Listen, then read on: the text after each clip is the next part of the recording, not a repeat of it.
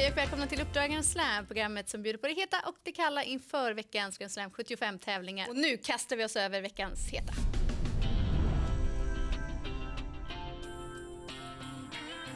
I den tredje avdelningen så visade nummer fem Lavio Ky uppåtgående form senast och han endast fick ge sig mot en smygkörd konkurrent. Och eh, Petter Lundberg som tränar och kör, han tog årets första tränarseger i tisdag så stallet verkar vara lite på gång. Och även om man trivs i den amerikanska sulken så är faktiskt fyra av sex segrar tagna i vanlig vagn.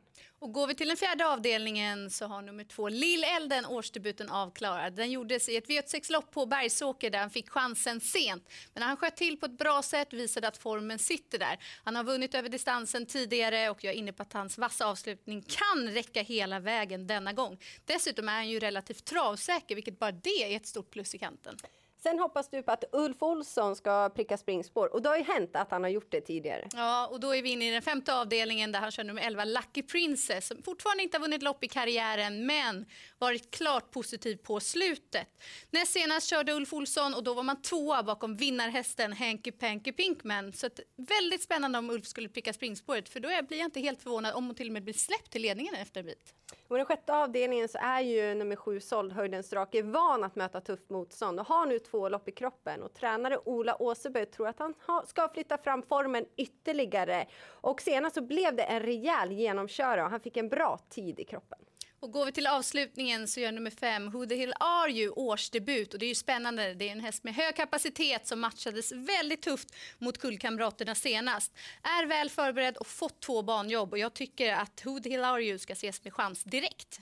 Och vem vet, han kanske har utvecklat startsnabbheten under vintern. Det hade varit ett plus till söndag. Ja, men det är spännande i alla fall. Och den sista heta hittar vi hos veckans profil. Den mest framgångsrika kallblodstränaren genom tiderna. Ja, Jan-Olof Persson är verkligen synonym med kallbloden och det finns ju inte ett enda storlopp som han inte har vunnit. Och på söndag då ser han ut fyra stycken kallblod under Grand Slam.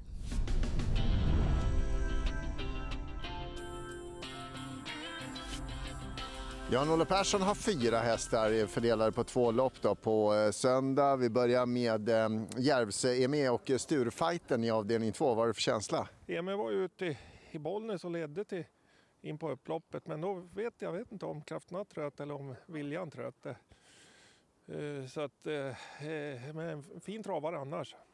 Sturfighten är spännande. Ja, han var ju ute efter några månaders frånvaro och gick, ja, gick väldigt bra. Och så där. Han har känns jättefin i veckan och sånt där. Så att, ja, det är ju en spännande uppgift. Och sen har du ju avdelning 6 eh, är det väl, Gottklirr och eh, Villsolen. Då är vi uppe i lite, i lite högre klass och de var ju ute nyligen. Ja, fast det var ju ingen lyckat tur där till i Romme så, eh, i fredags där. Så att, eh, det var väl egentligen ingen av dem som var något riktigt bra. Men de gick jobb idag bägge två och eh, båda kändes eh, jättefina. Så att, eh, nya tag på söndag. Du har en känsla av att de kommer vara framsatta, i alla fall bättre än i fredags? Ja, men de hade ju jobbat bra inför fredagen men det blev inget bra för, för någon av dem. Så att, eh, hoppas vi får valuta för träningen på söndag. Utan att ha hårdstuderat listorna ändå eftersom den här intervjun görs ganska tidigt. Vem, vem har du mest känsla för kommer göra ett kanonlopp på, på söndag? Ja, men den som har bästa möjligheterna att vinna det är Sturfighter. Ja, det är bara att instämma. Hans bästa chans är ju självklart i den andra avdelningen, nummer 6, Sturfighten, som är väldigt talangfull och väldigt kapabel. Och vi är helt överens om att han förlorar inte det här loppet felfri. Kanske till och med råd med en galopp. Men sen kommer han också bli väldigt stor favorit. Och man får väga in det gentemot galopprisken. Men helt klart ska han vara favorit. De heta är serverade. Nu tar vi oss an veckans kalla.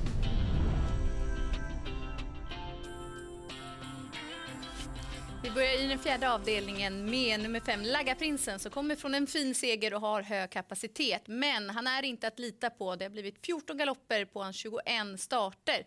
Dessutom så är det autostart den här gången och då får man backa bandet rejält. Senast han var ute i ett autolopp var det i juli 2018, så ingen favorit jag vågar lita på. Och I den sjätte avdelningen så kommer nummer 10 Buska Blyg från V75-seger. Men det var mer än en månad sedan och han är inte helt att lita på. På de fyra senaste starterna så har det blivit två galopper. Och nu har han spår 5 på tillägg i volten. Och det innebär nog en tappstart och då kan det bli väl många att runda.